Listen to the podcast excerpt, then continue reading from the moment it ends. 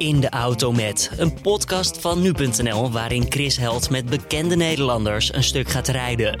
Deze week in de auto, Eus. Eus, Hé man, hoe is het? Eh, hectisch, hectisch, beetje Waarom? moe. Ja, ik zit midden in eh, een eh, perscircus van het een en het ander. Dus eh Eus in Nederland.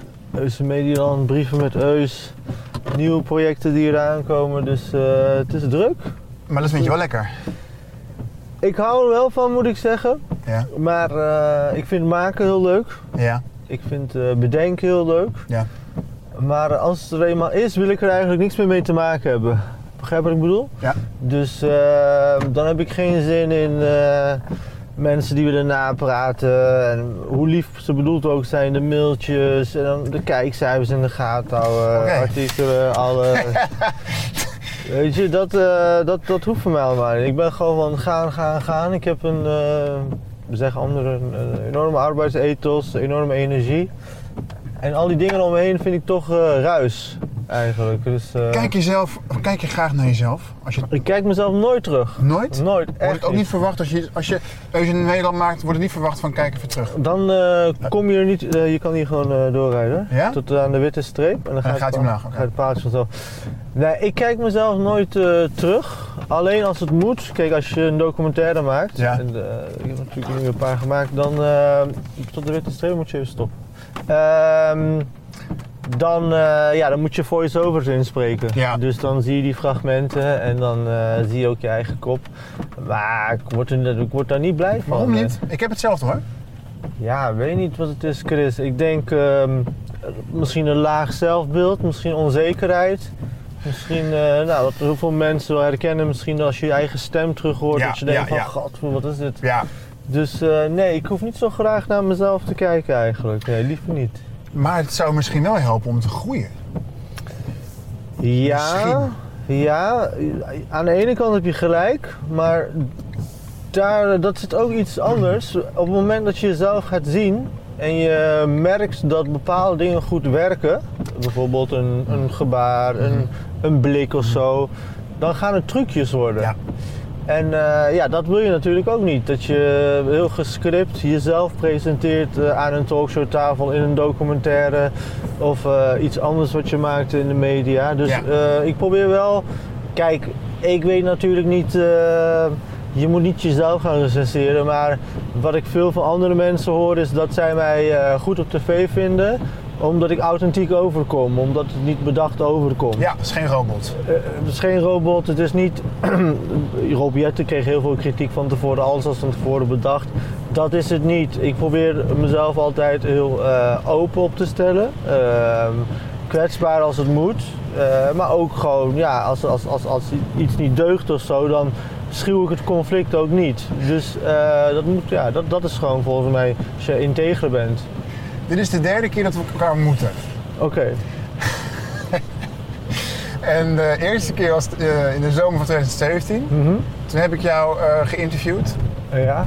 Eh, de teneur was toen dat jij eh, heel erg werd bedreigd. Ja. Eh, je moest veel vrijheden inleveren. Ja. Is dat, is dat onveranderd? Ehm, Het gaat er niet meer zo vaak over. Oké. Nee, eh, terwijl het eigenlijk qua heftigheid is het toegenomen. Ik word nog meer bedreigd dan eerst. Eh, ik heb nog vaker te maken met de politie en de Oké. recherche die mij eh, nou, ondersteuning bieden. Ik heb nu dat ik ook toen, ik, ik weet dat, Ja. wanneer het ongeveer was, deed ik bijvoorbeeld geen aangiftes. Nee, Nu zijn er zelfs bij het politiebureau, eh, eh, hoe noem je dat? Van, van die kant-en-klare aangiftebiljetten van mij. ja. Dus dan eh, stuur ik een uiting op, dan zetten Ja. zij erin. Dan hoef ik naar, ga ik naar het politiebureau Ja. en dan teken ik bijvoorbeeld 10 nieuwe aangiftes en dan ga ik weer eh, weg, want anders is het een heel tijdrovend ding. En het schijnt dat Wilders dat ook even Ja. regelt met... eh, Je gaat een ochtend heen en dan... eh, ja, nu wil ik mezelf niet vergelijken met Wilders, want die man wordt natuurlijk veel erger en veel meer bedreigd dan ik. Maar in mindere mate is dat nu wel de situatie ja, van... En heb je er nog steeds scheid aan? Of word je toch kwetsbaarder? Nou, Chris, weet je wat ze vorige keer hadden gedaan? Dat was toen ik een eh, debat had met Joran van Klaver over zijn eh, bekering, eh, die ik nogal merkwaardig vond. Ja. de oud PVV'er die opeens een moslim werd na tien jaar. Ehm, toen, toen waren de reacties heel heftig, vooral uit de extreemrechtse Turkse hoek. Dus echt die nationalistische gekken die niet... eh, die weigeren gewoon op een normale manier mee te doen. En Ja. eh, wat er toen gebeurde, dat was echt, voor, was echt een eh, noviteit. Ze gingen foto's van mijn kinderen zoeken in bladen en eh, op mijn Instagram. Oei, oei, oei, oei, oei, En eh, die, die stuurden ze dan naar mij en dan zeiden ze van, eh, weet je, nou, eh, we gaan ze vermoorden. Of eh, ik hoop dat ze jou eh, langzaam en pijnlijk zien doodgaan. eh, dat, dus dat je voor hun ogen op die manier doodgaat. Omdat je kritisch had geuit. Omdat ik had gezegd dat eh, Joran van Klaveren tien jaar lang woordvoerder eh, islam voor de PVV. Ja. Eh, kennelijk heeft hij zich als volksvertegenwoordiger niet verdiept in de materie. Ja. Al die moslims belachelijk gemaakt, gestigmatiseerd. Ja. En nu ineens heeft hij zich wel verdiept in de materie. Ehm, en komt het tot, die, tot de conclusie dat hij een moslim is. Ja. Totaal ander uiterste. En dan merk je dat eh, Turkse mensen, Turkse Nederlanders die hoog opgeleid zijn, die eh, ook conservatief zijn, hè, maar hoog opgeleid zijn, dat die dat inderdaad ook niet trekken. Maar je hebt gewoon een laag daaronder en dat is echt een probleemgroep. En die, die groep is ook massaal. Die eh, niet begrijpt dat dat gewoon belachelijk is. Ja. Weet je? wel. En die, Mhm. die dan, nee, maar hij is nu een moslim, dus ze zien hem als een soort trophy boy van. Hij is van ons. ja, dus, dus die, die Joran van Klaver is de trophy boy van de conservatieve moslim geworden. Maar ja, zo werkt het natuurlijk niet in mijn ogen. Maar wat, wat ze dus ook niet doorhebben is dat ik het eigenlijk voor hen opneem. Ik zeg, jongens, Mhm. deze man heeft jullie al die tijd eh, zwart gemaakt. Ja. Deze man heeft jullie eh, geloof gecriminaliseerd. Dus misschien dat je hem later nog wel accepteert. Maar zou je niet eerst een paar kritische vragen moeten stellen? Zou je niet eerst wat kanttekeningen moeten plaatsen? Want die man heeft ook nog eh, godsdienstwetenschappen gestudeerd. Dus hij had gewoon zich kunnen verdiepen in de, in de islam. Maar goed, eh, wat voor dynamiek daar... eh, ik bedoel, Chris, ik heb veel meegemaakt. Echt heel veel. Echt Ah, tot- dit is tot, fucked eh, up. Dan word je echt gek. maar ook politie aan de deur die je huis beveiligt, heb ik allemaal meegemaakt. Maar qua uitingen, van ik denk wel zes, zeven, acht dagen achter elkaar, alleen maar hatelijke berichten. Blinde haat gewoon. En wat je ook ziet is, deze jongens, die hebben geen intellectuele leiders. Hè? Die hebben geen eh, mensen aan wie zij zich kunnen optrekken.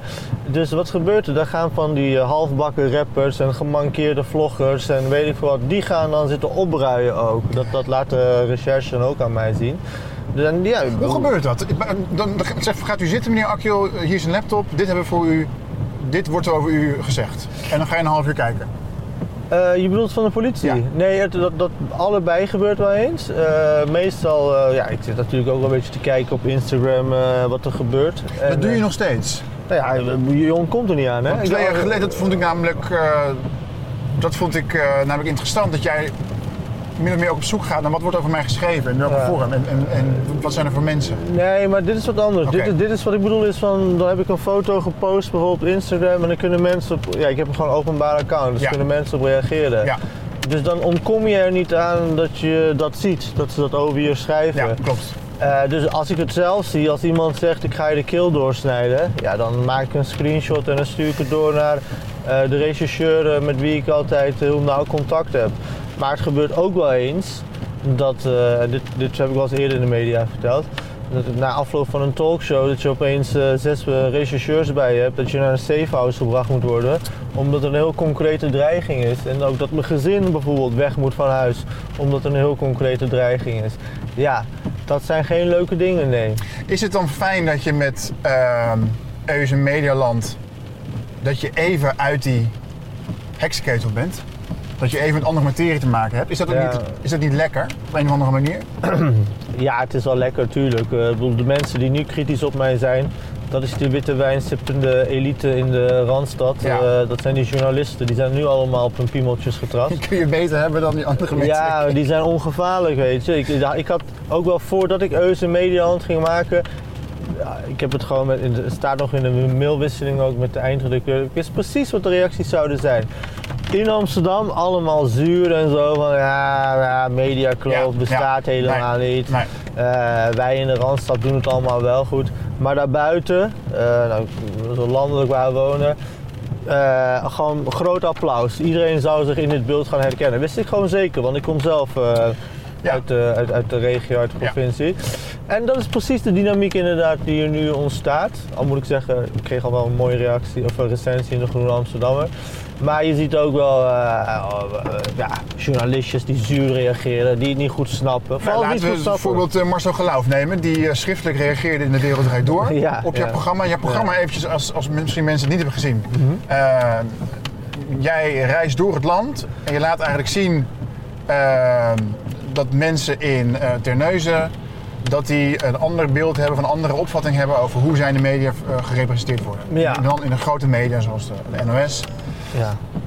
Marcel Gelauw, de hoofdredacteur, die zei over een fragment in die reeks waarin eh, de mensen de neuzen zeggen van wij hebben een hele grote sluis. Deze sluis verbindt drie landen met elkaar, het is een zeesluis. Ja. En die sluis heeft onevenredig weinig aandacht gekregen in vergelijking met de bouw van Noord-Zuidlijn. Precies. Ja. Kon zich in zijn schriftelijke verklaring voor geen ene meter, voor geen centimeter vinden Ja. in die mensen. Maar ook helemaal niet. Dat, dat verbaasde me. Nee. Hij zei niet eens van, ik snap het wel een beetje. Ja. Zelfs dat ontbrak. Het was echt. eh, ik werd eh, ah, jammer dat ik die verklaring niet eerder had gelezen, want dan had ik ook nog eventjes eh, kunnen kijken hoeveel aandacht er was geweest. Maar hij kan het niet eens inschatten hoe belangrijk dat is geweest, want zij zijn er gewoon letterlijk nooit geweest. Nee. Ten tweede, je kan niet zeggen als een groep voelt Ja. in Terneuzen dat Ja. zij achtergesteld eh, worden. En het is niet één gekke die het zegt. Hè? Nee. Eh, of als de mensen in Friesland het zeggen, de mensen in Brabant, de mensen in Groningen zeggen wij worden eh, systematisch anders behandeld door het NOS-journaal. Ja. Dan kun jij niet het gevoel Nee. van die mensen in twijfel trekken. Als je dat wel doet, dan bevestig je precies wat zij van jou denken. Namelijk dat je op hen neerkijkt, dat jouw eh, visie beperkt Mhm. is en dat je gewoon een navelstaarder bent.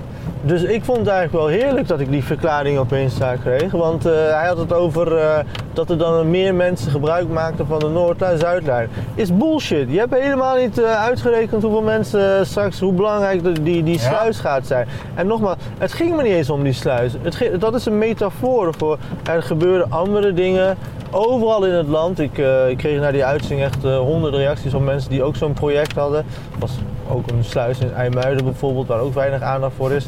Ehm, maar dat, dat, dat, daar gaat het nou precies om. Dat is een metafoor voor eh, jullie hebben een project. Oké, worden we helemaal mee doodgegooid, die Noord-Zuidlijn. Ik heb volgens mij kon je gewoon op een gegeven moment via een live blog volgen hoe die Ja, opening was. Ja, ja maar klopt. andere mensen hebben ook een project. En dat betekent niet dat je het ene moet laten liggen en het andere moet doen. Nee, dat betekent dat je allemaal moet doen. Dat je, dat je alles moet doen. Dus Ja. de balans klopt niet. Maar op een of andere manier begrijpen ze dat niet. Maar terugkomen op de vraag, is dit... Is zo'n reeks even lekker om te maken? Eh, ja, In tuurlijk. plaats van de neef van Tuurlijk. Eus waar je dan weer karrevrachten stront over je heen Ja, krijgt. Leef van Heus en eh, de columns inderdaad. eh. Kijk, het is inherent aan mijn persoonlijkheid en misschien ook wel aan mijn achtergrond dat ik gewoon altijd heel veel losmaak bij mensen en ik bedoel vooral in negatieve zin. Ehm, eh, ik, kijk wel, ik moet soms best wel lachen, want dan, dan heeft de PVV een uitspatting en heeft Denk een uitspatting in dezelfde week. Maar dan schrijf ik een kritische column over de PVV. Ja, En dan eh, word ik door alle linkse mensen, of door, door de PVV, zeg maar, ah, naar je eigen land en zo, weet je wel. Hoe durf je de PVV te bekritiseren? Eh, pak een keer Denk. Eh, je durft nooit Denk te pakken. En iemand mailt dat. En dan stuur ik eh, een lijstje terug met 10 columns die heel kritisch zijn over Denk. Hoor je niks meer van, van die persoon daarna. Eh, maar daarna pak ik Denk. Eh, en dan zijn het weer die Turken die zeggen, ja, nestbevuiler, dit en dat. En eh, je bent een schande voor alle Turken. Dus het probleem is, mag niet om lachen. ja, voor mij mag je om lachen. Ik vind, ik vind, ten eerste, het grappige is, want dat is om te lachen, ze, ze doen eigenlijk precies hetzelfde. Ik bedoel, het zijn extremen, maar ze bedienen zich van precies dezelfde Ja. methodiek. Ja. Maar eh, het vooral bijzondere is dat iedereen dan op een of andere manier wil claimen of zo, of juist niet. Want als ik dan eh, dus kritisch schrijf over Denk, dan zijn die PVV'ers weer heel erg blij. Mhm. Dan denk je van, hé, eindelijk een eh, goed geïntegreerde Turk en zo. Maar ik kan in diezelfde week ook weer een Turk zijn die moet oprotten, oprotten naar zijn eigen land. Als je dat zo vaak hoort, heb je nooit een moment getwijfeld van, ja, maar wat ben ik nou eigenlijk? Hebben zij, nooit dat, dat, dat, die, die, in die interne discussie bij jou geraakt? Ja, weet je, ik, eh, ik, ik denk dat het probleem is dat te veel mensen die dat soort uitingen doen nogal eendimensionaal denken over identiteit. Van je moet dat zijn of je kan alleen dit zijn of eh, je zou die mensen moeten vertegenwoordigen. Maar ja, ik ben op de eerste plaats gewoon een Deemtenaar. Daarna ben ik een Nederlander. Eh, daarna ben ik iemand met Turkse roots. En eh, ja, weet je, dus, dus Deventer helpt jou zo erg om te aarden, hè? Tuurlijk, ja, dat- maar als je kijkt, weet je waarom? Dat kan ik je ook wel uitleggen. Ik weet waarom. Omdat je, omdat je niet in de Randstad wil wonen. nee, nee, dat is, dat, is, dat is ook een ding. Maar kijk, ehm, dat ik Turk ben, Mhm. dat eh, kan je in twijfel trekken. Dat kunnen, Turken kunnen het in twijfel trekken dat ik een Turk ben. Ik ben een landvader.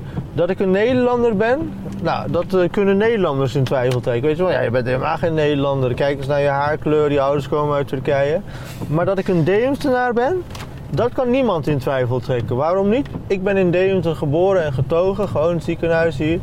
Ik eh, ben opgegroeid. Je Mijn hebt twee seizoenkaarten voor, voor Eagles. twee seizoenskaarten voor Go Ahead Eagles. Mijn kinderen zijn in Deventer geboren. Dus er is ook nog nooit iemand geweest die tegen mij zei... Je bent een nep Deventenaar of eh, je hoort niet in Deventer. Dat heb ik nog nooit van mijn leven gehoord. Dus Vind je dat als- belangrijk? Nou, ik vind het belangrijk. Ik probeer, omdat je die vraag zo stelde, Ja. probeer ik te verklaren waar dat dan vandaan komt. Mhm. Als je dan identiteit zo belangrijk vindt en ehm, je wil je op een bepaalde manier presenteren, dan denk ik van. Weet je, je kan, je kan me een, eh, een, een kankerturk noemen, eh, je kan me een eh, verkaasde Nederlander noemen, of weet wat, maar je kan, je kan niks zeggen over mijn Deventenaarschap. Dat is veilig, dat is van mij. Dus daarom klamp ik me vooral vast aan die identiteit. Ik snap het. En profileer ik me vooral als Deventenaar. En ja, ik hou oprecht van die stad en je ziet ook dat die waardering wederkerig is, dat die ook terugkomt. Ja. In de vorm van, ik ben laatst, eh, kreeg een hele mooie prijs van de gemeente Deventer. Oh. Eh, ja, goed, eh, dat moet ook niet groter maken dan het is, maar dan ben je bijna een soort van ereburger van de stad. Nou, dat, dat vind ik fantastisch. Dan, dan voel ik, dan is die erkenning. Maar ik hoef niet per se, kijk, ik hoef niet per se, ik, ik, sowieso, ik hoef niet per se Turk te zijn. Ik hoef, als mensen niet willen dat ik Nederlander ben, hoef ik ook niet Nederlander te zijn. Als ik maar gewoon Deventenaar ben en dat pakt niemand maar. Maar je hebt twee kinderen en, en dan, is, dan heb je echt, zeggen veel mensen, dan, dan pas heb je echt een gezin. Mhm. Eh, je vaderschap is ingedaald. Tenminste, ik weet niet hoe lang je jouw vader voelde, maar met twee kinderen neem ik aan dat je dat echt bent. Je hebt het helemaal om, omarmd. Dat geeft ook wel een identiteit. Toch? Dat geeft ook wel een bepaalde rust. Nou, jij hebt ook twee kinderen, toch? Mhm. Heb jij rust? Ja. Ja. Nou, niet fysiek. Oh ja, oké. Maar je hebt een rol. Ja. Je hebt een mini-maatschappij. Je hebt Ja. een gang. Ja, je hebt een- het is jouw secte. Ik begrijp wat je bedoelt. Ja, nee, je bent geworteld. Dat Ja. is het wel, ja. Ja, nee, het, het is inderdaad zo wel ehm, dat eh, die twee kinderen die zorgen wel voor dat, dat ook, ja, ook mijn eigen positie wordt verstevigd. En eh, het is een vorm van zingeving en inderdaad dat, dat woord waar we het over hadden. Ehm, en dat hoort bij mijn identiteit inderdaad. Alleen, ehm, ja, hoe zeg je dit zonder heel cynisch over te komen? Maar ja, dat, Je mag wel cynisch zijn. Ja, Want bij de derde Ja. keer dat we elkaar ontmoeten, dan snap ik ook eindelijk een beetje hoe je bent. Want de eerste keer was ik best wel geschrokken. ja. Omdat jij best wel, jij kan best eh, rechtlijnig eh, vertellen of je kan best wel. eh, ik, ik kan niet altijd aan jou, aan jou zien wat je nou, wat je nou voelt Mhm. of hoe je iets, iets, iets. eh, eh, eh, hoe zeg je dat nou? Nou ja, wat je, wat je van iets vindt. Maar ja, maar ik ben geen acteur inderdaad. Als ik iets raar vind of zo, dan zie je het aan mijn mimiek. Ja, maar nu heb je, om even bij je gezin te blijven, nu. Jij mocht een bloemlezing samenstellen van gedicht van Leven Weemoed. Ja. Verkoopt als een tierlier. Ja, goed aangevoeld. Je geeft een interview. lucky shot. Mazzel? Ja. ja. Je geeft een interview samen met Levi Weemoed. Ja. Die zijn allebei zwaarmoedige mensen. ja. En toen schrok ik wel, want toen zei je van ja, ik blijf in de kern toch wel een ongelukkig mens. Ook al heb ik nu een gezin, ik lig soms in bed s'avonds en zeg van wat is de zin van dit überhaupt? Ja. Van dit bestaan? Eh, ook Chris, je wilt eh, op die tour Ja. Nee, ja, nee, we kunnen best. eh, ik ben, Moet je dan daar, moet je daar een soort kast voor opentrekken als je het erover hebt? Nee, het is meer van mensen schrikken ervan als ik erover praat. Ik heb het bewust drie jaar of zo niet gedaan. Maar ik ben, als iemand ernaar vraagt, doe ik het wel. Jij vraagt er nu naar, dus daar kan ik heel eerlijk over zijn. Ik heb heel vaak last van depressieve buien, inderdaad. En eh, dat gaat heel ver. Dat eh, gaat zo ver zelfs soms dat ik gewoon eh, mijn bed niet kan uitkomen. En dat ik inderdaad me afvraag van, eh, ja, wat voor zin heeft het leven nou eigenlijk? Zelfs als je je kindjes hoort die aan het spelen zijn. Ja, daar voel ik me schuldig over. Ja. Maar inderdaad, zelfs als ik mijn kindjes zie, denk ik wel. Het is een ziekte, hè? Ja, ja, bedoel, ja. Het is niet. Het is geen bui. het is geen bui Nee. of het is niet dat je ergens geen zin Nee. in hebt. Ik Nee. heb dit al vanaf mijn zestiende. Dat ik zo af en toe word eh, overvallen door eh, ja, zwaar depressieve aanvallen. En eh, gelukkig komen ze en gaan ze ook weer. Maar eh, en je hebt ooms die hebben ook daadwerkelijk. zelfmoord Zelfmoord. is doodsoorzaak nummer één in ons gezin, ja. Of in onze familie. Ehm, dus ik heb genetische aanleg ook voor die depressiviteit, ja. En ook bijvoorbeeld voor alcoholconsumptie. Ja. Dat is ook genetisch bepaald bij Ja. ons. Dus ehm, ja, er zit iets in mijn DNA, er zit iets eh, in mijn genen waardoor ik eh, ehm, veel nadenk over het leven. Eh, veel gevoelens heb bij bepaalde zaken. Mhm. En eh uitkomst is vaak niet echt bevredigend. Dat je inderdaad wel eens afvraagt van waar is het allemaal goed voor? En dat heeft ook wel te maken met een vorm van onverzadigbaarheid. Jij noemde net bijvoorbeeld de bundel met Levi Weemoed. Ja. Eh, inderdaad, wij zijn allebei heel erg, hebben heel erg talent voor somberte. Maar ehm, ik ben nooit tevreden. Ik kan nooit genieten van dingen. Ik heb, ik heb nog nooit... eh, er kwam nu weer een nieuwe druk binnen van mijn debuutroman Eus. Ja. Hoeveelste? 25ste of zo, weet je wel. En dan ben ik toch niet blij. Ik, en toen zat ik ook te denken gisteren van... We hebben nog nooit iets gevierd eigenlijk thuis. Dat bijvoorbeeld een, dat ik een prijs won. Ik heb een paar Eervolle vermelding, een Nippels nipkooljury, schrijven, ja, dat soort dingen inderdaad. Of eh, de Nachtwacht Award Nachtwacht, ja, voor eh, eh, onze man in Deventer. weer een nieuwe druk van een boek, dus wat ik je vertelde. Ja. Eh, andere prijzen. Nee, ik, ik, wil- Wat gebeurt? Komt het niet binnen of zoiets? Nou, het is nooit genoeg. Het is nooit genoeg. En ik, ik, ik, wil niet de amateur eh, psycholoog gaan uithangen. Zo. Ik weet ook niet waar het vandaan komt dat het nooit genoeg is. Mag ik een eh, suggestie? Maar, Ga jij wat- de psycholoog uithangen? Ja, dat is wel gek, hè? Ja, mag wel. Nee, doe maar. Leuk, misschien heb je het wel goed. jouw pa gaf jou nooit complimenten. Misschien heb jij Eh. daarom jezelf dat. Sta jij jezelf niet toe om dat dan wel te doen, om die plaats in te nemen? Ehm, omdat ik geen complimenten kreeg, eh, geef ik mezelf ook geen Ja, complimenten. dan denk je, blijf je volharden van ik verdien het toch niet. Eh, Want kinderen kunnen echt gevormd worden door. Nee, je wordt natuurlijk helemaal eh, totaal geprogrammeerd in je jeugd inderdaad. Ik zit me alleen af te vragen of dat ermee te maken heeft. Want mijn, mijn vader was bijvoorbeeld ook eh aardslui, terwijl mijn arbeidsethos heb ik echt van mijn moeder. Ehm, maar het kan kloppen. We- Wij, wij kregen altijd te horen dat we niet goed genoeg waren. En ehm, dat wij, eh, ja, dat we eigenlijk beter niet hadden kunnen zijn. Dat werd ook vaak uitgesproken. Mijn vader riep regelmatig... Als ik dit had geweten, was ik gewoon nooit aan kinderen begonnen. Ja. Eh, en die gaf ons nou niet het gevoel van, ja, jullie mogen er zijn, jullie doen het goed. Maar ik weet niet, ik, misschien heb je wel dat je, dat je een beetje gelijk hebt. Aan de andere kant denk ik ook van, kijk, zo'n Levi Weemoed hebben we nu bijna 80.000 exemplaren van verkocht. Dat is echt gigantisch. Vooral voor een poëziebundel, Ja. gewoon Ongekend. een paar decennia of niet voorgekomen in. Nederland. Dat is gewoon een unieke prestatie. Maar ik zit gewoon echt te balen en met iedereen ruzie te maken trouwens. Want dat is een ander groot talent dat ik heb. Eh, van ja, met de uitgever bijvoorbeeld. Van ja, dat boek was acht dagen niet leverbaar. En daar ben ik echt kapot van. En dan, dan, dan, dan, dan ben ik ook... Nou, ik zit nog net niet te schelden, want daar ken ik die mensen niet goed genoeg voor. Maar dan ben ik wel heel cynisch. Eh, dan, dan laat ik het passief-agressief wel weten dat ik het een paar stoethaspels bij elkaar vind. Dat het boek acht dagen niet leverbaar was en dat we daarom die honderdduizend niet hebben aangetikt. Ja. Ehm, dus dat zit ook heel erg in mij. Eh, plus eh, inderdaad, ja, dat, dat, dat, dus dat niet tevreden kunnen zijn. Maar En je ook was, ja? Zeg maar, de sociale omgang met mensen. Ik ben, ik ben, ik ben geen... eh, ja, ik hou niet van mensen. Weet je wat ik... Na dat interview heb jij me uitgenodigd, 2017, om een keer naar Go Ahead te gaan staan. Ja, dat klopt, ja. Ik weet niet of de kijker dat dit boeit, maar ik wil daarmee illustreren hoe ik... Ik nodig trouwens altijd mensen uit om naar Go Ahead Dat te komen. wist ik dus toen nog niet. Ik dacht, ik ben bijzonder. Ja. En ik dacht, hier biedt een volwassen man zijn vriendschap aan. Oh, en ik dacht van, Ja. daar ga ik op in. ja.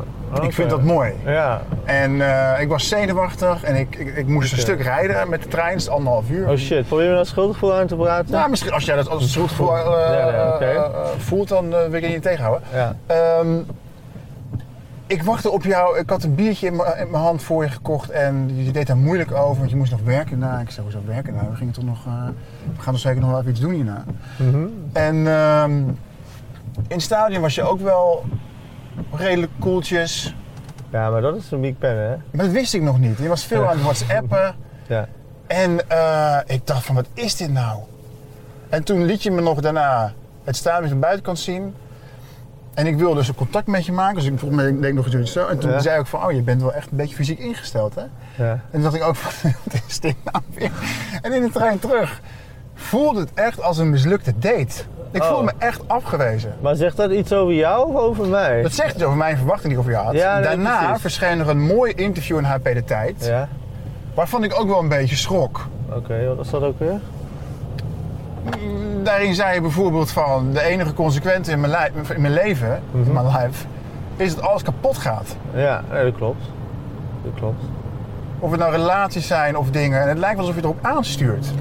En dat je de, jongetje was die vroeger op schoolpleinen al mensen met elkaar liet vechten. Mhm. Manipulatief. Ja. En dan denk ik van, hij staat nog steeds in het centrum van polemieken, discussies, schelpartijen. Eh, ja. ja, nee, ik eh, moet zeggen dat het ene, eh, dat in het centrum staan van, het staat los van het andere, dat Oké. destructieve, dat zelfdestructieve, dat heb ik altijd inderdaad wel.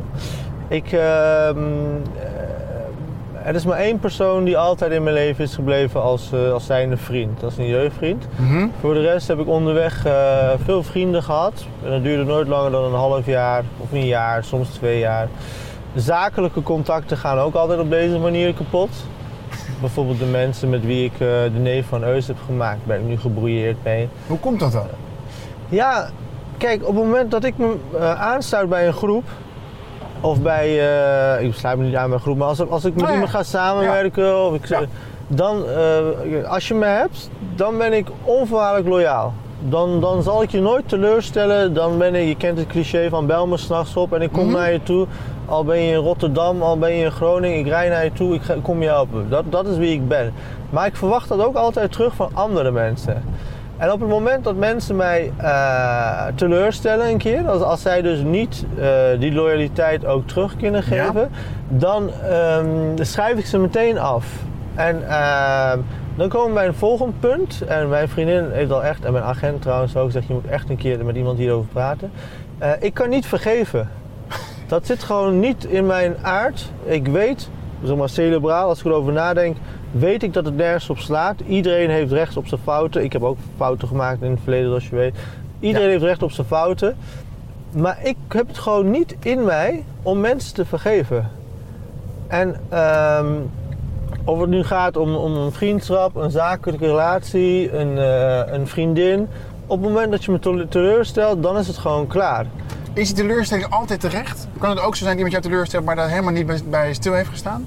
Nee, die teleurstelling is niet altijd terecht. Ik ben, eh, ik ben veel eisend en ehm, ik eh, kan eh, moeilijk omgaan met vooral luie mensen. Ik kan nog moeilijker omgaan met conformisme. Dus mensen die bijvoorbeeld heel erg samenklitten in groepjes en vervolgens ehm, ja, sociaal wenselijk gedrag vertonen. Daar kan ik gewoon niet tegen. En al- ik heb bijvoorbeeld mijn vriendin, die heeft dan heel veel van die vriendinnengroepen. En ik zie gewoon daarin dat de dynamiek niet klopt. Weet je wel, één vriendin. Is- Nee, dat is gewoon echt zo. Eén, één vriendin bijvoorbeeld, die is wel erg vaak afwezig op de verjaardagen. Ja. Eh, die heeft altijd een kutsmoes. Eh, weet je, die vindt Amsterdam, Deventer te ver. en dan noem ik dat. En dan zeg ik, schat, tegen mijn vriendin... Waarom zeg je dat niet gewoon een keer tegen haar? Van altijd als wij een eh, verjaardag hebben van eh, onze, een van onze kindjes of, of, of van, of Anna zelf, mijn vriendin of zo. Is het, ben, ben jij het altijd die weer een kutsmoes heeft? Dan is je oma dood en je opa is volgens mij al vier keer dood gegaan of zo. Weet je, dus ehm, ik kan er gewoon heel slecht mee omgaan. Als je hier links gaat, laat ik iets moois zien. Ehm, dus dus ik, ik kan niet tegen bullshit. En ja, er is gewoon te veel bullshit eh, in menselijk contact. Daarom heb ik ook liever geen menselijk contact. Maar Want, pikte je niks op toen wij dat naar voetbal gingen? jawel, ik zag wel dat jij heel erg je best deed. Maar eh, ja, jij bent ook apart, eh, jongen. Ah, helemaal niet. Jawel, jongen. Ik hebt- ben super makkelijk. Nee man, jij stuurt Wilfred Gené s'nachts berichtjes van ik heb er zin in of zo de volgende dag, weet je, dat soort dingen. Ja, maar dat, dat definieert me niet. Nou, toch wel. definieert eerder hem. Dat hij daar zo van moet flippen. Ik zou daar geen moeite mee hebben, Nee, toch? ik zou er eigenlijk ook geen moeite mee hebben. Ah, tijdstip is misschien wel een beetje gek middernacht. Hij overdrijft. Ja. Nou, jij hebt tikken. Jij hebt tikken. Nee, jij hebt tikken. Jij hebt, echt zo, jij hebt gewoon fysieke tikken, weet je wel? Wat dan? Ja, af en toe doe je zo. Zo doe je dan, zo. It takes one to know one, uh, Ja, ik observeer mensen, ik zie dat. En we- weet je wat je daarmee uitstraalt? Macht. On, ongemak. Ik voel me nu niet ongemakkelijk. Ik ben geconcentreerd. Ik zeg niet dat je het bent, ik zeg dat straal je uit. Dus ehm, in jouw geval weet je eigenlijk nooit of je nou echt ongemakkelijk bent. Of dat het gewoon is hoe jouw uitstraling is. Heb je daar dan moeite mee? Nee, Irriteert het je? Helemaal niet. Ik ben ook iemand die heel relaxed is in dingen, weet je. Het is bij mij altijd eh, ja of nee. Meer is het ook niet. Dus ik ben ook, als je met mij gaat winkelen, mijn vriendin vindt dat geweldig, dan eh, ik ben binnen twee minuten klaar. Weet je. Ik kijk iets, ik zie het hangen, ja of nee. En zo gaat het ook met eh, menselijk contact. Als ik iemand zie en kijk naar zijn kop dan zeg ik, ja, hij deugt, dan is het oké. En iemand anders, nou, die deugt niet, hier kun je naar rechts. Denk niet zwart. Denk niet wit. Ja, dat, dat, ik- Denk ik- niet zwart, wit. Luister, ik zeg dit, dit is geen betoog om te zeggen dat ik het allemaal goed voor elkaar heb. Dit is juist een betoog om uit te leggen dat ik eh, het allemaal ook niet goed doe. Want jij vroeg van, weet je wel, klopt het allemaal wel, die teleurstellingen, dit en dat. En wat ik probeer uit te leggen is, ik, zo begon het, ik heb niet het vermogen om te kunnen vergeven. En ik ben misschien ook iets te snel in mijn ehm, eh, observaties en de conclusies die ik daaraan verbind. Je bent gewoon een heel erg getalenteerd en je hebt net zoveel talent als dat je gewond bent. Ik heb net zoveel talent als ik gewond ben. Ja. Ik weet niet hoe je dat precies tegen elkaar... eh, Je bent een gewond mens. Gewond geraakt wat er gebeurd is met je. Tuurlijk, ik heb een beschadigde ziel. Ik bedoel, je hoeft daar, daar hoef je dus geen psychiater voor te zijn. eh, om- Wat is dit? En waar lijkt het op, eh, Chris? Ja, hier was het. Het is een voetbalstadion. Ik, ik breng het. je op even terug naar een plek van trauma. Misschien voor de verwerking. Daar raakte ik je aan, in dat ding. Dat- Toen liet je het even zien. Ja, het is een prachtig stadion. Mooi stadion, hè? Ja, echt wel een van de mooiste van Nederland. Ja. Die bakstenen. Ja. Ja, echt te gek. Wel kut weer. Met wie had je wel een leuke avond hier, recentelijk? Mijn vriendin. Oh ja? Ja, die kwam een keer mee. Dat was de eerste keer. En eh, het was eh, achteraf gezien, eh, voetbal is achteraf gezien een goede manier met je vriendin. Als het dan een saaie wedstrijd is, en dat is vaak in de keukenkampioen-divisie, om even de week door te nemen. Dus we hebben echt eh, Mm. anderhalf uur allerlei dingetjes geregeld, vakanties Zoals? Geboekt. Oh, Ja, eh, we hebben nog een eh, huurauto geregeld. eh, terwijl je daar dus, zat. Ja. ik, zat een beetje naar die wedstrijd te kijken en ik gaf haar steeds instructies. Want dat, ging echt super. Dus de volgende keer moet ze weer mee, want we moeten nog meer regelen. Dus eh, ja, dat is dan, in een stadion kun je nog meer dingen doen dan in voetbal kijken, is gebleken. Even kijken. Ja.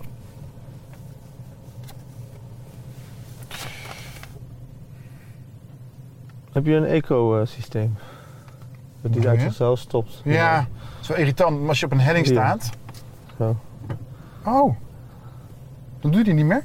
Nee, daar heb je hem uitgezet. Ja, ik wil toch nog... Ja, ik wil, we gaan nog eventjes... Ja, nee, ik heb geen eh, haast hoor. Ik bedoel, hoe laat is het? Doe je ding. In datzelfde interview met jouw leven Weemoed in Trouw... Hallo. Dat is iemand anders hoor, sorry. Ja, ga verder. Oh, ik dacht je zei, oh, dan gaan we weer. Nee, nee, nee. Ik zat, eh, ik, eh, die jongen belde, maar die had eerder moeten bellen. Maar ja? Toen zei je ook, mensen veronderstellen dat ik gelukkig ben omdat zoveel goed gaat. We hadden net al Ja. over al die prijzen Ja. die ik kreeg, de zoveelste druk. Ja. Maar je zei, ik ben als de dood om alles kwijt te raken. Ja. Sterker nog, ik zou graag terug willen naar een periode waarin ik nog maar 2 euro op de bank had. Toen was, Ja. ik, toen was het leven zorgelozer. ja. Is dat echt zo of is het een beetje, is het een beetje pathetisch? Nee, dat is echt zo. Je moet echt van mij aannemen dat ik nooit zomaar iets zeg. Het is echt zo dat eh, op het moment dat jij... ehm, eh, hoe meer dingen je begeert, hoe eh, ingewikkelder het leven wordt. Mhm. Want uiteindelijk zul je toch wel op heel veel teleurstellingen stuiten. Moet ik wel bij aanmerken dat ik, nou, ook toevallig gisteren, eh, ik kan je helaas niks over zeggen, maar eh, ik ga weer leuke dingen doen in het najaar in 2020. Welke omroep? Eh, het gaat niet alleen om televisiewerk, maar ik ga ook televisiewerk doen, maar ook andere dingen.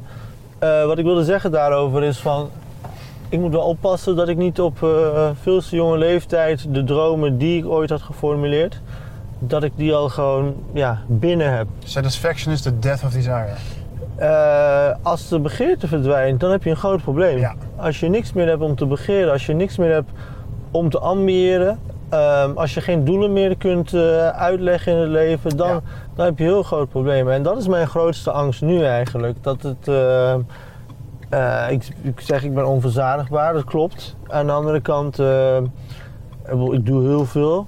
Maar ik ken mijn beperkingen ook wel, weet je. Ik, kan niet alles doen. En alle dingen die Wat ik kan je niet? Nou, eh, wat ik niet zou kunnen is Je krijgt bijvoorbeeld... een uitzending de wereld door binnenkort. ik zou niet, nou, als je het over de, als je over de wereld door, ik zou, ik zou geen dagelijks studioprogramma kunnen presenteren. Dat heb ik niet in mij. Kan ik niet. Eh, Dat is ook geen desire om te doen. Nou, er- er zijn wel eens gesprekken daarover geweest van producenten die dat dan vragen en pilots willen maken. Maar ik, ik, weet, dat- ik kan het gewoon niet. Weet je? Dat, dat, dat moet je gewoon van jezelf. eh, eh, dat moet je gewoon weten. En je moet, eh, het probleem van heel veel mensen van mijn generatie en ook jouw generatie is dat zij heel veel dingen willen het is bijna- Ehm, dat ze heel veel dingen willen. Hmm. Ik kijk naar die meisjes en jongens in Amsterdam, die hipsters, die opeens allemaal massaal een eh, burn-out hebben. Waarom? Hmm. Ze hebben allemaal eh, onrealistische doelen. Mhm. Dus ze willen en een romannetje schrijven, Ja, en ze willen... onderzoeksjournalistiek doen. eh, eh, onderzoeksjournalistiek doen. En ze willen allemaal een VPRO-documentaire maken. Maar dat is niet realistisch. Dat is, er is niemand die dat allemaal doet. Weet je, dat, dat kan gewoon niet. En als je gewoon zo streng voor jezelf bent qua ehm, wat je allemaal wil bereiken. En als het dan ook nog een keer in zo'n competitieve omgeving gebeurt. Want dat is Amsterdam natuurlijk. Vooral als je tussen allerlei andere hoogopgeleide mensen zit. Ja, dan kom je vanzelf in de problemen. Dus ik snap die burn-outs van mensen wel. Dat is gewoon omdat zij allerlei eh, eisen aan zichzelf stellen die helemaal niet realistisch zijn. Eh, je moet gewoon soms leren om genoegen te nemen met minder. En dat is natuurlijk gek van iemand die net zegt dat hij onverzadigbaar is. Ja, en Maar- 30 columns per maand schrijft. Ja, maar het ging mij er meer om van dat je dus wel moet begrijpen wat je niet kan. En jij vroeg, nou, dat kan ik bijvoorbeeld niet. Dus Maar je- juist dat houdt je, houdt je toch tegen, zou je toch moeten concluderen. Eh, die instelling. Ja, nee, Je dat, moet- dat, dat houdt me zelfs nog Je, levend, moet, denk je ik. moet toch door een muur ook kunnen af en toe en denken van fuck it, ik ga het gewoon doen. Ook al weet ik te denken, of denk ik te weten het niet te kunnen. Nou, Want je wist over je eh, vaderschap, wist je toch ook niet dat je het zou kunnen? Ja, het is nog helemaal niet bewezen dat ik het kan. Heb je indicaties dat je het goed doet? Kun je dat, kun je dat beweren? Ik, Ben je een goede vader? eh, ik ben een goede vader als ik er ben, maar ik ben niet vaak genoeg. Eh, dus dat, dat, dat, dat deed ik mezelf wel kwalijk. Ik zou wat vaker thuis mogen zijn. Waarom doe je dat niet? Omdat ik ook eh, tegelijkertijd die eh onbedadelijke drang heb om op allerlei eh, terreinen te bewijzen. Is het zo belangrijk? Nou, dat is niet belangrijk, maar ik ben 34, hoe oud ben jij? Eh, eh, 36. 36, wij zitten nu wel in een eh, fase van onze leven waarin we toch wat sporen moeten nalaten. En eh, we gaan zo straks richting eh 55, 60 en dan ga je het weer rustig aan doen. Dus dit zijn wel, ik bedoel, dit zijn de tropenjaren als het gaat om kinderen en alles. Maar dit zijn ook de momenten in het leven dat je eh carrière-wise iets moet doen. En heel veel mensen van mijn generatie voelen dat ook wel. Alleen eh, sommigen zijn wat meer eh, onrealistisch als het gaat daarover. En dat is wat ik bedoel met, je moet ook niet alles gaan doen. Kijk, ehm, eh, wat ik bijvoorbeeld ook niet kan, dat zal je niet verbazen uit het gesprek, is in teamverband werken. Dus ze moeten mij niet vragen of ik hoofdredacteur van een blad of een krant, eh, want ik zou gewoon denk ik na vier dagen iedereen ontslaan omdat ik het eh, ongelofelijke losers vind die hun werk gewoon niet goed doen. Oh, ja, lijkt me erg, ja. Dus, dus, dus snap je, als je dat weet van jezelf, dan is het oké. Maar eh, ja, daar gaat soms wel eens mis. Ja. Ja.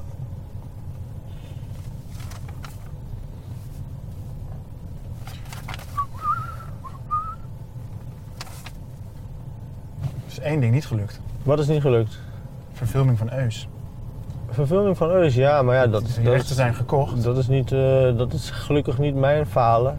Bouw je ervan? Interesseert me geen fuck. Echt niet? Nee, heb je die Nederlandse films gezien? Dat is allemaal kut. Wie had jou gespeeld, denk je? Dat zou, weet je, eh, heb je Mokro Mafia Ja. gezien? Je zou allemaal nieuwe acteurs moeten ontdekken om zo'n boek als Eus te verfilmen. Want eh, je kan niet vragen aan Thijs Reumer of hij Eus wil spelen, weet je. Dat, eh, dat gaat niet werken. Dus je zou allerlei nieuwe mensen Cas moeten. Nee, mijn ambitie dat verfilmen, dat hele, hele filmscene in Nederland is sowieso lachwekkend.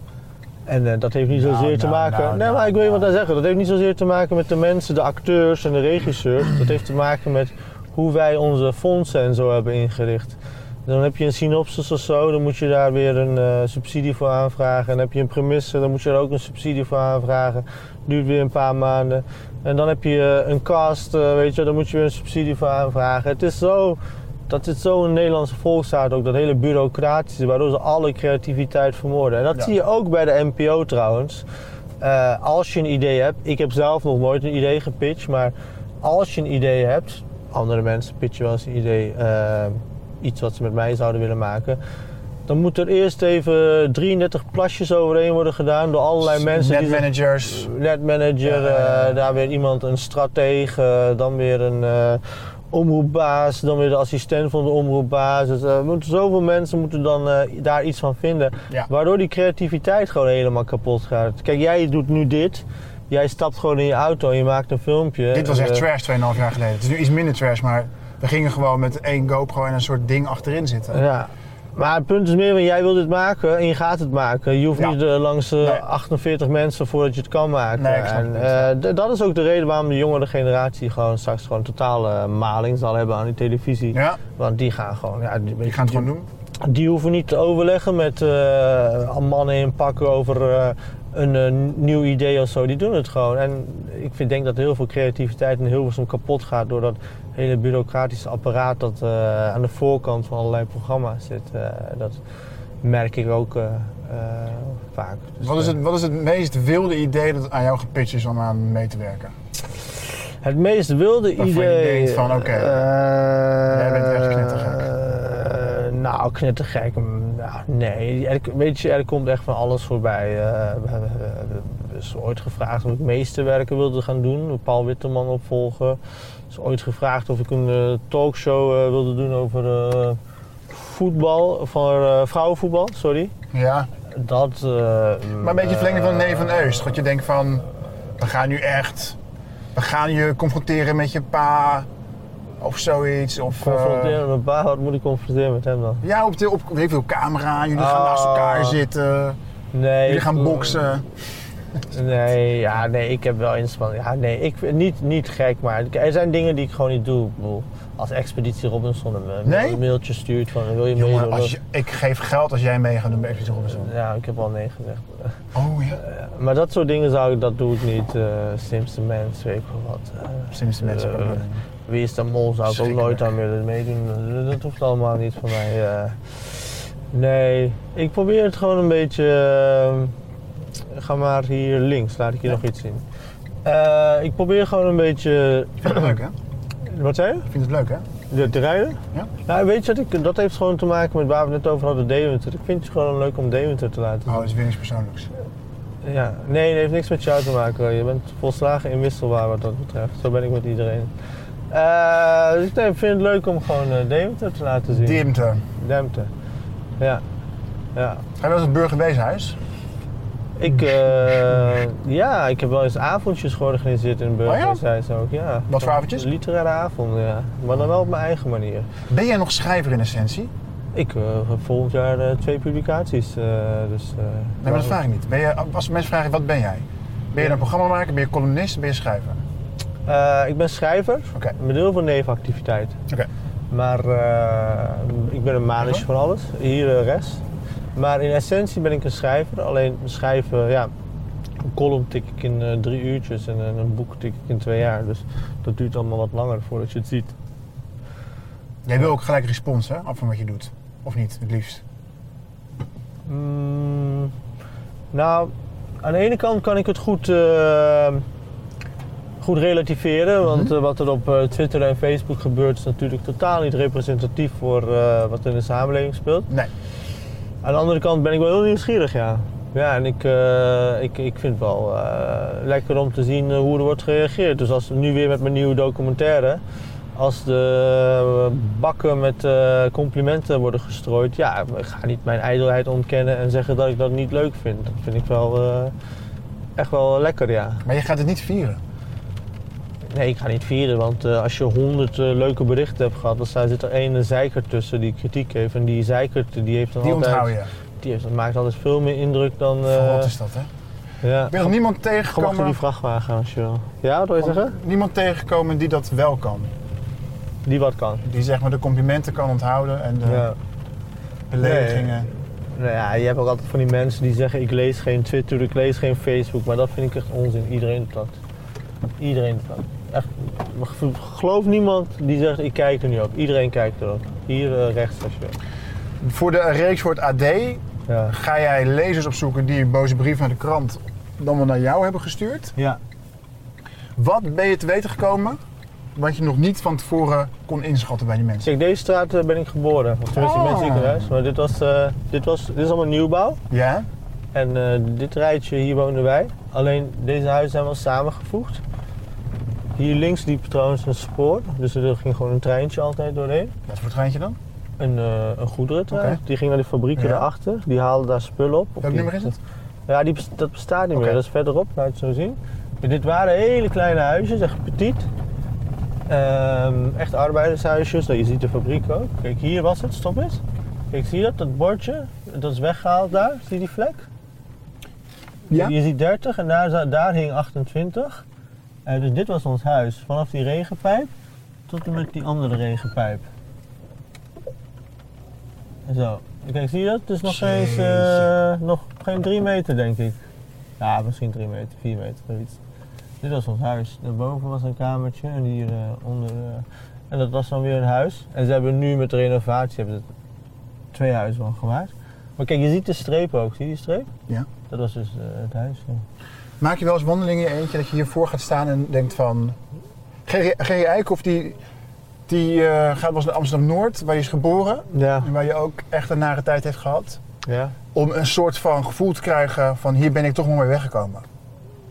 Nee, maar ik, dit, dit, ze hebben het zo onherkenbaar gemaakt hier. Hier wonen allemaal juppen die 1000 euro huur betalen. Het enige wat mij heel erg herinnert aan vroeger is die fabriekstoren daar. Eh, de fabrieken zelf natuurlijk. Het spoortje vind ik altijd wel mooi. Die kinderkopjes misschien?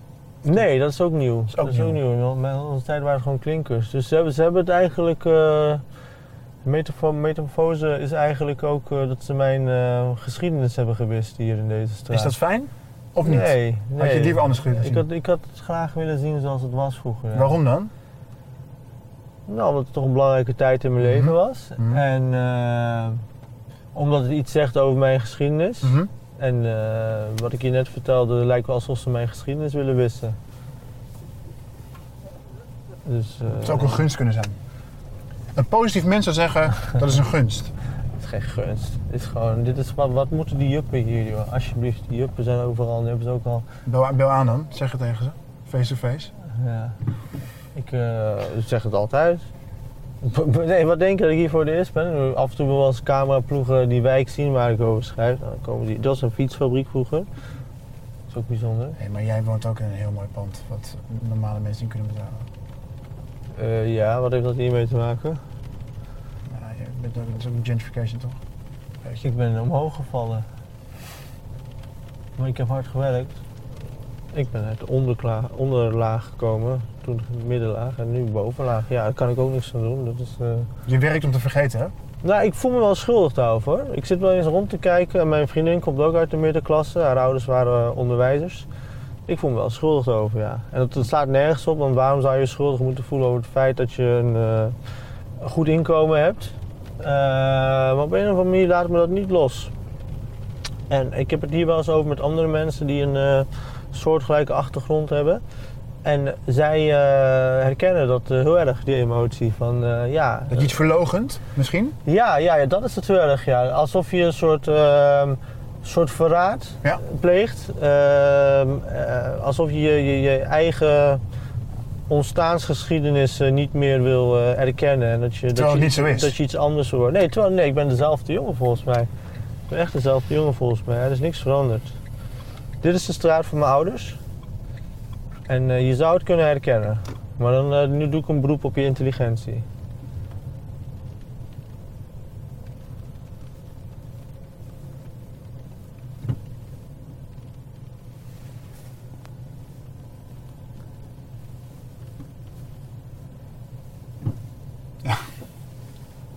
De schotel.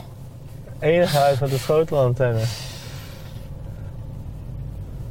Je Ja. komt er nog wel eens, toch?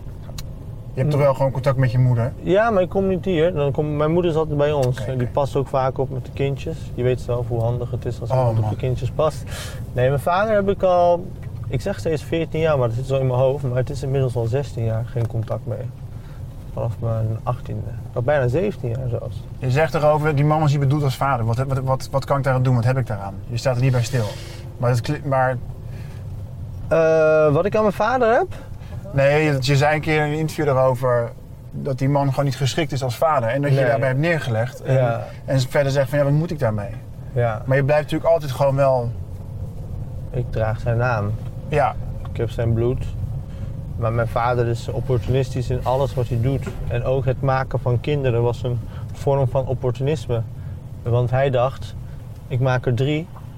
En eentje wordt misschien heel rijk. En die kan dan eh, voor mij gaan zorgen later. En dan hoef ik niet meer in die vieze fabriek te werken.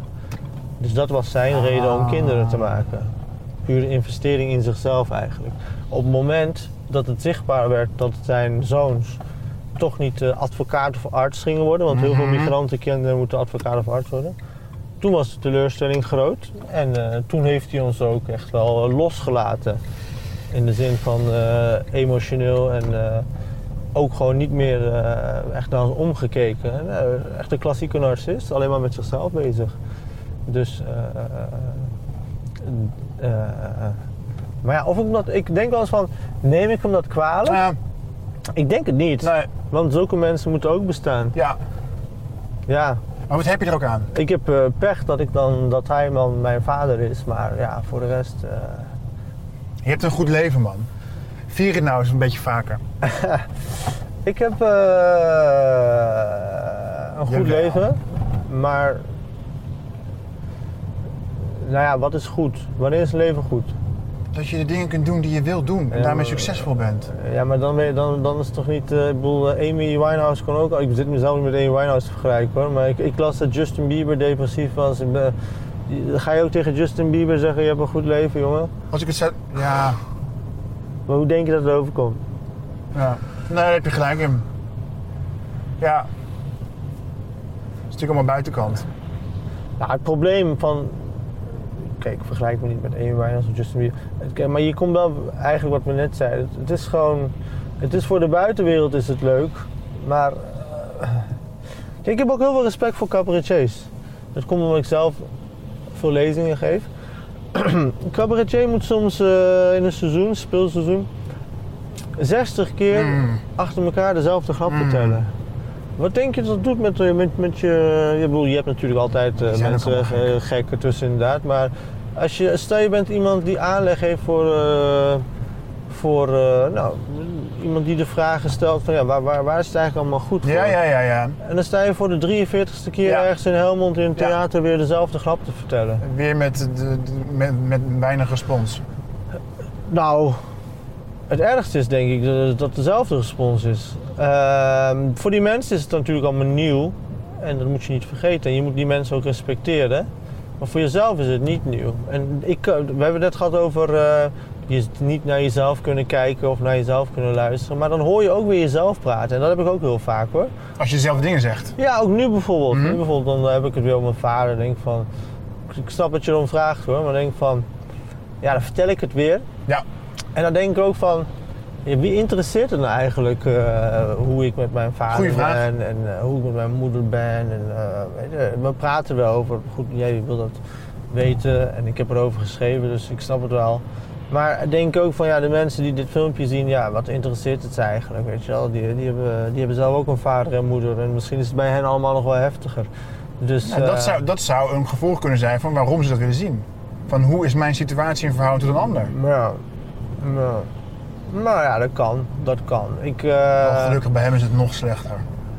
Ehm, nou ja, slechter. Het is ook eh, hoe je ermee omgaat. Hè? Sommige mensen die worden al helemaal hysterisch als ze een keer ruzie hebben met hun vriendin of zo. Ik vind het wel lekker als ze een keer ruzie hebben met mijn vriendin. Juist omdat we nooit ruzie hebben. Dus het is ook hoe... hoe Wat vind jij lekker aan dan? nou ja, als altijd alles goed is, is het ook niet... eh, nee, dat betekent dat je, dat je niet meer betrokken genoeg bent. Nee, dan... We eh, moeten trouwens even terug. ja, heb je geen benzine meer? Nee, maar we houden het ongeveer bij een uur. Oh ja, mijn is het niet, maar... Ja. Eh, dan moet je eventjes rechtdoor. ja. Rij je eh, elektriciteit? Of rij je benzine? Eco. Ja, benzine. Mag ik geen, niet? eh, mag niet, hè? Je moet eh, Tesla kopen. Moet, Ach, dat is echt zo'n onzin. Die zijn veel te zwaar voor de weg. je moet toch nu.nl, eh, je moet toch een voortrekkerschool. eh, Wat voel je van de, van de standpunt van... Wie heeft het standpunt gehad? nu jij, ons discussieplatform, Ja? daar is het verboden om het aandeel van de mens in de opwarming van de aarde te ontkennen. Oh, dat bedoel je. Daar was toen veel ophef over, hè? Ehm, dat is jullie eigen journalistieke afweging. Ehm, willen jullie iedereen een podium geven, dan zou je die mensen ook eh, een podium moeten geven. Je houdt er niet van, hè, van censuur. Ik hou niet van censuur, nee. Is het censuur? dit is een vorm van censuur, ja. Want Hmm. je laat gekte niet zien. Ik, eh, in Eus Medialand eh, laat ik een eh, UFO-watcher eh, aan het woord. Ja, we kunnen ervan eh, vinden wat we willen, maar die man gelooft er heilig in. En kijk, als er dan één gekkie is, oké. Maar het gaat om honderdduizenden mensen die geloven dat er UFO's zijn. Ze doen UFO-onderzoek. Eh, dus ja, dan kun je ze wel wegzetten als gek. Maar je kan ook dat gesprek aangaan. Kijk, als het gaat om mensen die echt andere eh, schade berokkenen, bijvoorbeeld met eh, van die groepen die zeggen je moet niet je kind laten vaccineren en Ja. zo, die mag je van mij censureren. Die hoef je Waarom? van, die hoef je van mij niet in een talkshow te voeren. Nou, waarom? Omdat er heel veel fragiele geesten zijn die eh, iets te veel vrije tijd hebben. En die gaan dan googlen en die lezen dan ergens dat je eh, autisme krijgt Ja. van vaccinaties. Ja. En dan gaat er iemand ook nog een keer in eh Buitenhof vertellen dat je inderdaad autisme kan krijgen van vaccinaties. Ja, dan denk ik, ah, doe dat maar niet, want dat is niet goed voor onze volksgezondheid. Nee. Maar als een of andere gek wil zeggen van eh, ja, eh, klimaat, eh, global warming, weet ik veel wat, allemaal leugens. Ja, dan, dan, dan, dan, dan moet dat denk ik wel kunnen. Oh ja, interessant. Ja. Want ja, op korte termijn breng je daar niemand mee eh, in gevaar. Oh, dat weet ik dus niet. Nee, ik zei ook op korte termijn, hè? Oh ja. Ja. Nee, ik bedoel, als, als, als je nu zegt van niet je kind vaccineren, Ja. dan heb je het gevaar dat volgende week mijn, eh, op mijn kind, of jouw kind, op de crash of weet ik van waar, aansteekt. Eh, maar ik heb dan wel zoveel vertrouwen in het gezonde verstand van mensen en dat zie je ook. Kijk, wij van de media, zeg ik even, eh, zijn ook heel goed in dit soort uitersten uitvergroten. Mhm. Maar als het gaat om mensen die zeg maar, voor, een, eh, voor een strenger klimaatbeleid zijn, Echt ja, echt hoor. Dan, dan, dan, dan hoeveel waren het? 35.000 mensen waren dat eh, die op de been Ja, waren? ja. Kregen aandacht. En als het dan gaat om eh 100 eh, gekken in gele hesjes me- met veel extreem rechts ertussen of zo, die krijgen dan twee keer zoveel aandacht. Ja. En dan wekenlang. Ja. Dan denk ik ook van ja, die afweging zou je eens moeten Mhm. maken. Van waarom eigenlijk? Word je nooit moe van het publieke debat? Oh joh, echt, het komt me strot uit. Dat is, maar het is ook een soort verdienmodel voor jou geworden. Nou, het is, als je columnist moet je op de hoogte zijn. Ik weet gewoon alles, maar dat moet. Maar Omdat, je kan toch ook eh, een beetje Martin Bril achter gaan? Gewoon, ik ben naar daarheen gereden en ik zag iets moois. Klopt, maar dan moet ik voor een ander medium gaan werken. Dat pikken ze bij het AD niet. Dat weet je zeker. Dat, ik, ik heb heel vaak eh, dat ik eh, mails krijg van, eh, lieve mails hoor, van eh, bewonderaars. Maar die ze wel zeggen van Eus, zou je misschien wat minder literaire woorden of gestudeerde woorden willen gebruiken? Want we snappen niet wat dat betekent, eh, electoraat. Oké, ja. Dus eh, ik denk wel dat dat eh, niet echt wel gewaardeerd zou kunnen worden, maar dan wel een ander katern. En in een andere krant nog meer. Het liefst zou ik altijd dat soort verhalen schrijven. En af en toe doe ik dat ook. En dat zijn ook mijn best gewaardeerde verhalen. Heb je ooit gedichten geschreven? Nee. Stiekem? Nee, ik heb eh, ooit een keer een heel mooie regel geschreven. Dichtregel vond ik... Nou, wacht even. Ik heb zelf... Ik vond zelf dat het een heel mooie dichtregel was. Weet je nog? Eh, ja, over eh, de vissen die weer hun dagelijkse baantjes door de vijver trokken. Of zoiets. En dat vond ik zelf heel goed gevonden, maar de universiteit was dat geloof ik. Ja, de, de professor die keek me aan zo van, ja, nee. En toen ben ik helemaal ontmoedigd om eh, verder te gaan. Dus ik kan het waarschijnlijk niet. Rechtdoor, ja. Maar, maar eh, volgens mij kan je het wel. Nee, ik kan Volgens mij doe je het ook stiekem. Ik denk, ja, ik vrees dat ik het wel kan, maar ik, laat ik maar je niet... het pathetisch? Laat ik maar niet daaraan beginnen. Nee, ik Waarom vind... niet? eh, nou, ik doe al zoveel, joh. De mensen worden helemaal gek. Ben je er wel eens bang voor? Dat, je, dat er een overkill aan...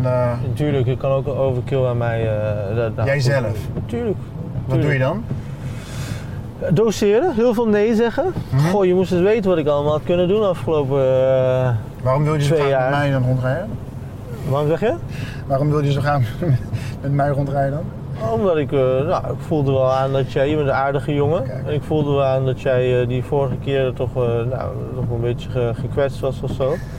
Dus ik dacht, ik kan misschien op deze manier. Ik ben, ik ben geen, ja, het is een beetje gek van jezelf. Ik ben geen slechte jongen of zo, maar ik heb gewoon wat rare karaktereigenschappen, eh, waardoor eh, het ongemakkelijk wordt soms met mensen. Maar dat komt niet voort uit dat ik eh, een boeman wil zijn of mensen wil kleineren of zo. Ik ben gewoon onaangepast. Dat is het ding. Dan kan me niet kloten. En dat eh, heeft mijn vader nog veel meer. En die wil dan wel iedereen kleineren. Maar ik ben, ik ben antisociaal. Is dat anders dan asociaal? Dat is anders dan asociaal. Ja, asociaal is gewoon dat je dus onaangepast gedrag eh, vertoont. En eh, eh, ja, Terwijl je heel hoog empathisch vermogen hebt. stokje gedrag vertoont. Ja, klopt. Dat is toch best wel een contrast met elkaar? Je kunt je heel veel verplaatsen in mensen volgens mij. Ja, maar dat, dat betekent niet dat je heel graag met mensen wil zijn. Antisociaal betekent eigenlijk dat je... ik van boeien. Dat je Oh, erg het menselijk contact vermijdt en er niet van houdt, van menselijk verkeer. Eh, maar ik, eh, ik, ik had, eh, je weet dat ik een probleemjongere ben geweest. Ja. En toen dacht, en ehm, toen ehm, moest ik naar de reclassering, want ze wilden toch uitzoeken wat er met mij aan de hand was. Ze dachten van, het kan natuurlijk ook gewoon een IQ-dingetje zijn, dachten Mhm. ze. Dus toen moest ik een IQ-test en een EQ-test Mhm. maken. En met die EQ-test had ik, ik weet niet meer precies hoe, wat de punten waren. Ik geloof 145 of zo. En dan, dan ben je hoogbegaafd. Mhm. En de IQ was 120 of 125. Dan ben je gewoon, eh, dan- ben je... eh, ik weet niet of je dan hoogbegaafd Nee, dan ben je voor mij niet hoogbegaafd, maar dan ben je wel gewoon intelligent. Dus dat vonden ze dus ook heel raar daarvan. Je hebt zo'n EQ, dus je kan je heel erg verplaatsen in andere mensen. Je kan heel goed verbanden leggen. Je kan situaties lezen. En toch ga je dit soort gedrag vertonen. En eh, ja, dan kom je weer terug bij dat hele DNA-verhaal, het genetische verhaal. Ja. Van ja, dat, dat, dat, dat, is- dat, dat klopt gewoon iets niet. Er zit gewoon, er is iets, eh, ja, er is een defect ergens. En Ja, dat- je, je bent soms vo- voel je gewoon gewetenloos, toch? Heb je? ja, nee, klopt. Ik kan mijn geweten uitzetten. Ja, heb ik vroeger. Zo heftig. Ja, dat eh, vind ik zelf ook wel eens heftig als ik eerlijk ben, Chris. Ja. En vooral als ik wat drank op heb, dan. Stop dan met drinken, man. Ik drink helemaal niet veel. Ik wou dat ik veel kon drinken. Ik, eh, ik drink niet veel. Ik kom niet meer in publieke ruimtes. Ik ben nu ook helaas in zo'n. eh weet ik veel wat. In, eh, in zo'n ehm, segment terechtgekomen dat ook paparazzi-journalisten je gaan volgen en zo. Oh ja? Vreselijk. Echt vreselijk. Ik had, eergisteren had ik een journalist van mijn privé. Die, wilde, die mailde mij van Eus, kan ik je bellen? Want ik heb eh, informatie over je privéleven waarmee ik eh, eh, naar buiten wil komen. Maar ik wil eerst even met jou praten. Ja. Is mij nog nooit eerder overkomen, paparazzi. Dus was, mij, was nieuw. Ik zei, nou, ik bellen. Oké. Zegt hij, ja, ik heb gehoord dat je schulden hebt. Dat je ruzie hebt met je vriendin. En ik weet niet precies wat hij zei. Ook voor mij met je kinderen niet meer ziet. En, dat- en dat je nog een vrouw hebt, een Turkse vrouw, in Amersfoort. En je bent gezien met haar. Dat klopt allemaal niet. Nee. Even gewoon, ik bedoel... eh, Nee, nee, nee, nee, nee, dat zou best Nee, nee, dat klopt niet. Nee, nee, dat klopt niet. Zo- Sowieso, eh, als je mij een beetje kent, weet je, mijn voorkeur gaat uit naar Wauw. blond en blauwe ogen. Maar dat is dus gewoon iemand die gewoon die mensen gaat tippen en die man neemt dat serieus. En ik heb hem uitleg van, gozer, dit is echt volledig uit de lucht gegrepen. Als je wil, geef ik je het nummer van mijn vriendin. Mag je haar bellen. Eh, kom een keer langs. Loop een week mee, zei ik zo. Ehm, ik zei ook nog, wat misschien onhandig was als hij dat gaat quoten. Ik zei, ik, ik wou dat ik tijd had voor een buitenvrouw, want eh, je weet niet hoe, eh, hoe, druk ik ben. En toen zei hij, ja, maar voor de rest heb ik geen commentaar, zei ik. En zei, mag ik dat opschrijven, zei hij. Ik moet zo rechts, of dat kan niet, dan moet je weer de volgende rechts. Of wel? Dat ging wel uit. Nee. Nee, nee, het is afgesloten. Oké, ik ga er verder. Eh, dus ehm, toen zei hij van... eh, hij vroeg, eh, mag ik het opschrijven? Ik zei, opschrijven? Dude, als, eh, wat, is dat journalistiek in jouw ogen? Dat iemand jou iets tipt? vol, gewoon 100% en dan ga je zeggen of je het mag opschrijven dat ik het bullshit vind. Nou ja, ik weet niet waarom die man journalistiek heeft gestudeerd, maar ja, daar ben je heel diep gezonken. Maar daar moet je dus ook wel rekening mee houden, dat mensen je gewoon op de korrel hebben. Ja, van, ja, nee zeker. Van de andere kant, ik vraag ook gewoon naar jouw paard, terwijl het niet echt mijn business is. Ja. Weet je, waarom doe ik dat dan eigenlijk? Nou ja, ik ik veronderstel dat je een vrouw een aanvoer hebt, maar ik zit ook gewoon... Ik zit ook gewoon om wat dingen te vragen van... Ja, dat zou ik niet aan je vragen als we in de trein zouden zitten. Gewoon samen. Nee, maar ja, omdat ik, omdat ik eh, een boek heb geschreven Ja. over die vader, dus dan is het logisch. Dit is uit de lucht gegrepen. Maar weet je dat er eh, journalisten zijn geweest? Je had gewoon moeten zeggen van ja... Nee, het klopt. Het zijn twee vrouwen. Ja, dat dacht ik later ook aan. En precies dit dacht ik ook. Ik had moeten zeggen, eh, eh, Uit het één vrouw. Ik heb er twee vrouwen. Hoezo? Ik ben toch een moslim? Wij mogen er vier hebben, wou- zou ik dan zeggen. Ehm Kinderen nee, waren nooit van mij. ik, ja, Schrijf dit wel op. wat? Nee, tegen die gast. Oh, die... Ja, ja, ja, ja. Ja, wat heftig. Ik zou nee. dat... eh ja, we ik- lachen erom, maar het is ook... eh, het is Nee, maar ik heb het ook, ook, ook met eh, gewoon mensen die zeggen bijvoorbeeld eh, hij, hij schrijft zijn boeken niet zelf, eh, hij schrijft Oh. zijn columns niet zelf. Of inderdaad, hij heeft, eh, hij heeft het verzonnen met zijn vader, die ruzie Hmm. of zijn verleden. Er zijn mensen die gewoon bij mijn ouders hebben aangebeld, journalisten, om te checken of het klopt. Of ik niet lieg over dat ik gebrouilleerd ben met mijn vader. Dan ben je toch ziek als je dat doet. Eh, ik zeg ja, maar ik denk ook van... gebeuren nu wel vaak dingen... waarvan je denkt, had het even gecheckt als ze hoofdredactie zijn. En er worden journalisten ontslagen die hebben hele verhaal bij elkaar verzonnen. Ja, ja, oké. Dat is ook zo. Ja. Maar ja. Wat voor belang heb ik erbij om dit te doen? Nou ja, niks, nee. Nou ja, goed boek verkopen maar. Hier rechts. Ehm, en Nee, eh, dat dat dingen, ook, ook, eh, ook eh, iemand die. eh, van welk medium was dat? Iemand die eh, zei van ja, nee, hij was vroeger helemaal geen eh, eh, probleemjongere en zo. En hij had helemaal geen strafblad en zo. Gewoon bij het OM mijn gegevens zitten checken of het allemaal klopt. Ja. Dat is toch sneu? Ja, Ik bedoel, ja, ze mogen het voor mij doen. Ik, ik ben volgens mij de meest, een nee, van de meest, Turks. een van de meest, ja, ik ben wel Turks. Ja. Ik ben een van de meest transparante BN'ers, eh, of tenminste semi-BN'ers die er is. Tenminste, maar goed, het is wel, soms lach je wel rot. Maar het neemt wel veel tijd in beslag, hè. Zo'n zo'n roddeljournalist.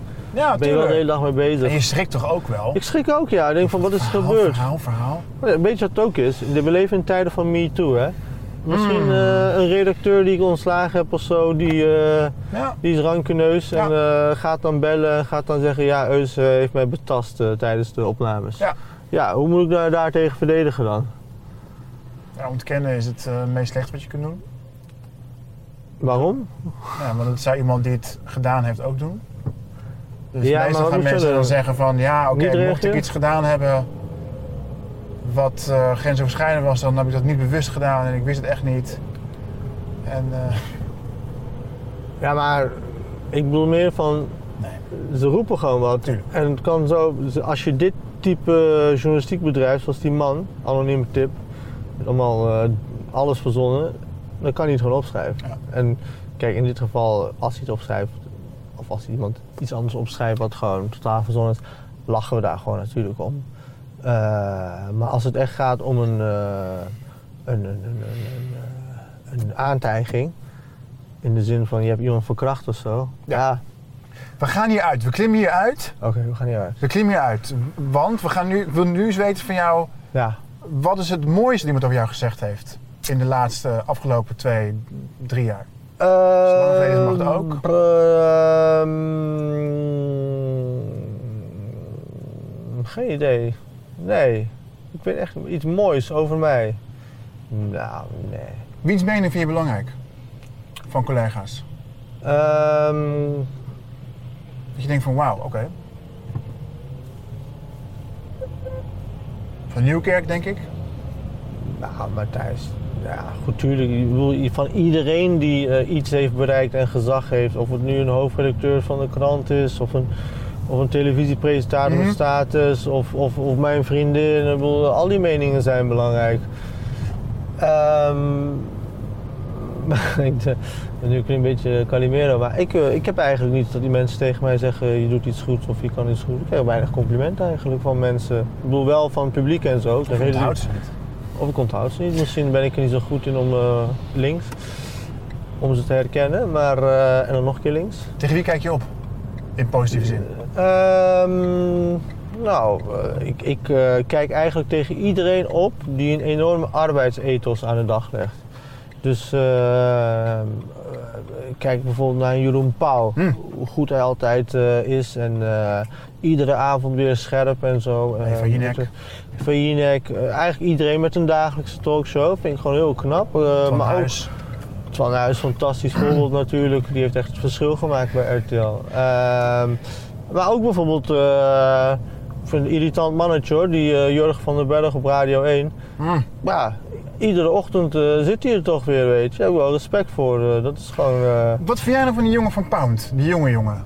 die, hoe heet die ook weer, die kerel die uit Glanenburg komt, die uit de buurt? Dennis? Dennis. Dennis is denk ik in essentie een lieve jongen, maar hij wil te graag. Oké.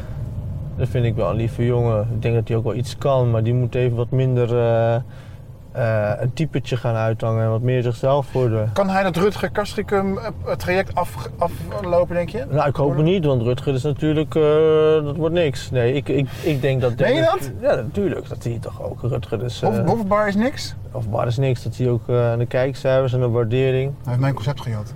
Eh, ja, hij zit nu ook Hofkar. bij Hofkar inderdaad. Hij heeft jou heeft gestolen van jou. Ja, nou, moet- dit is niet zo heel origineel, hè? Die taxi en zo. Hoe dan ook. Eh, maar ik denk dat eh, Dennis... Ja, ja, sorry. Ik denk dat Dennis... Dennis heeft veel meer talent dan Rutger.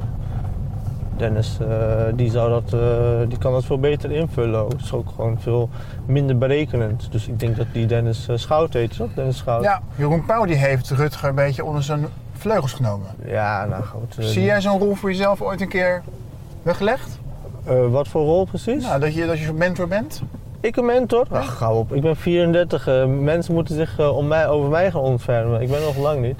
Over tien jaar? Over tien jaar, ja, tuurlijk. Ik zal altijd iedereen wel willen helpen. Maar laten we nou niet gaan doen alsof ik al alles bereikt heb. Ik kom net kijken. Ik heb eh, drie programma's gemaakt, eh, twee boeken geschreven. Eh, ik presenteer een radioprogramma, maar eh, ik moet nog wel iets doen. deze- eh, boek is niet eens verfilmd, dus wij hebben het over. eh, ja, precies. Kun je nagaan. Ik ben een totale mislukkeling. Dus eh, nee, we moeten ook niet overmoedig worden en arrogant gaan doen. Ik moet nog heel veel uitvinden, heel veel presteren voordat ik andere mensen kan uitleggen hoe dingen werken.